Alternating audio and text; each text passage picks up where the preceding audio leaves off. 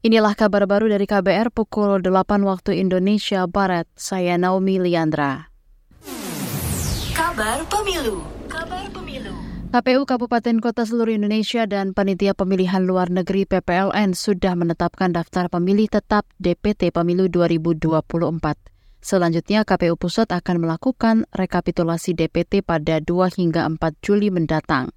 Berikut pernyataan Ketua KPU Hashim Asyari pada tanggal 20 dan 21 Juni kemarin, KPU Kabupaten Kota di seluruh Indonesia di 514 kabupaten kota yang tersebar di 38 provinsi dan 128 PPLN telah melakukan kegiatan penetapan daftar pemilih tetap untuk keperluan pemilu 2024. Sebelumnya daftar pemilih sementara DPS pemilu 2024 yang ditetapkan KPU berjumlah 205 juta pemilih. LSM Perkumpulan Warga untuk Pemilu Jurdil menyebut ada 52 juta data DPS yang bermasalah. Ketua KPU Hashim Asyari mengatakan temuan itu hanya bersifat rekapitulasi. Sampai saat ini KPU belum menerima rincian data bermasalah tersebut.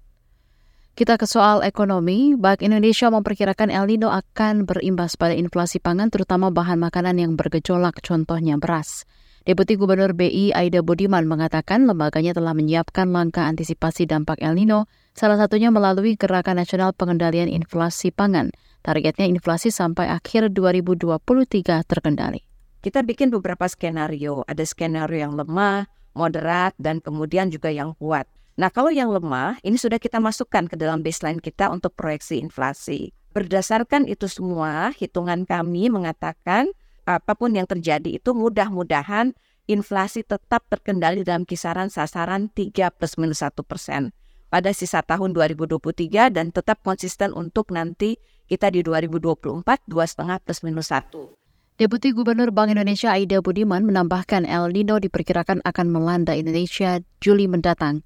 Wilayah yang terdampak di antaranya Jawa, Bali, Nusa Tenggara, sebagian Sumatera, dan Sulawesi. Ini berdasarkan data Badan Meteorologi, Klimatologi, dan Geofisika BMKG. Kita ke berita mancanegara. Saudara seluruh penumpang kapal selam wisata Titanic dinyatakan tewas. Dikutip dari CNN, pernyataan itu resmi diumumkan Ocean Gate Expedition, perusahaan yang mengoperasikan kapal selam ini setelah penemuan beberapa puing bagian kapal. Diduga kapal yang membawa lima orang tersebut meledak akibat tekanan di bawah laut. Tim pencarian menemukan lima potongan besar puing yang diidentifikasi berasal dari kapal selam Titanic, di antaranya moncong kapal dan bagian lambung kapal. Lokasi penemuan puing sesuai dengan titik terakhir kapal hilang kontak di Samudra Atlantik.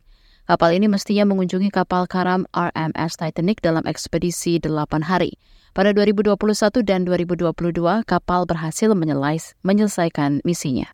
Demikian kabar baru KBR, saya Naomi Liandra undur diri.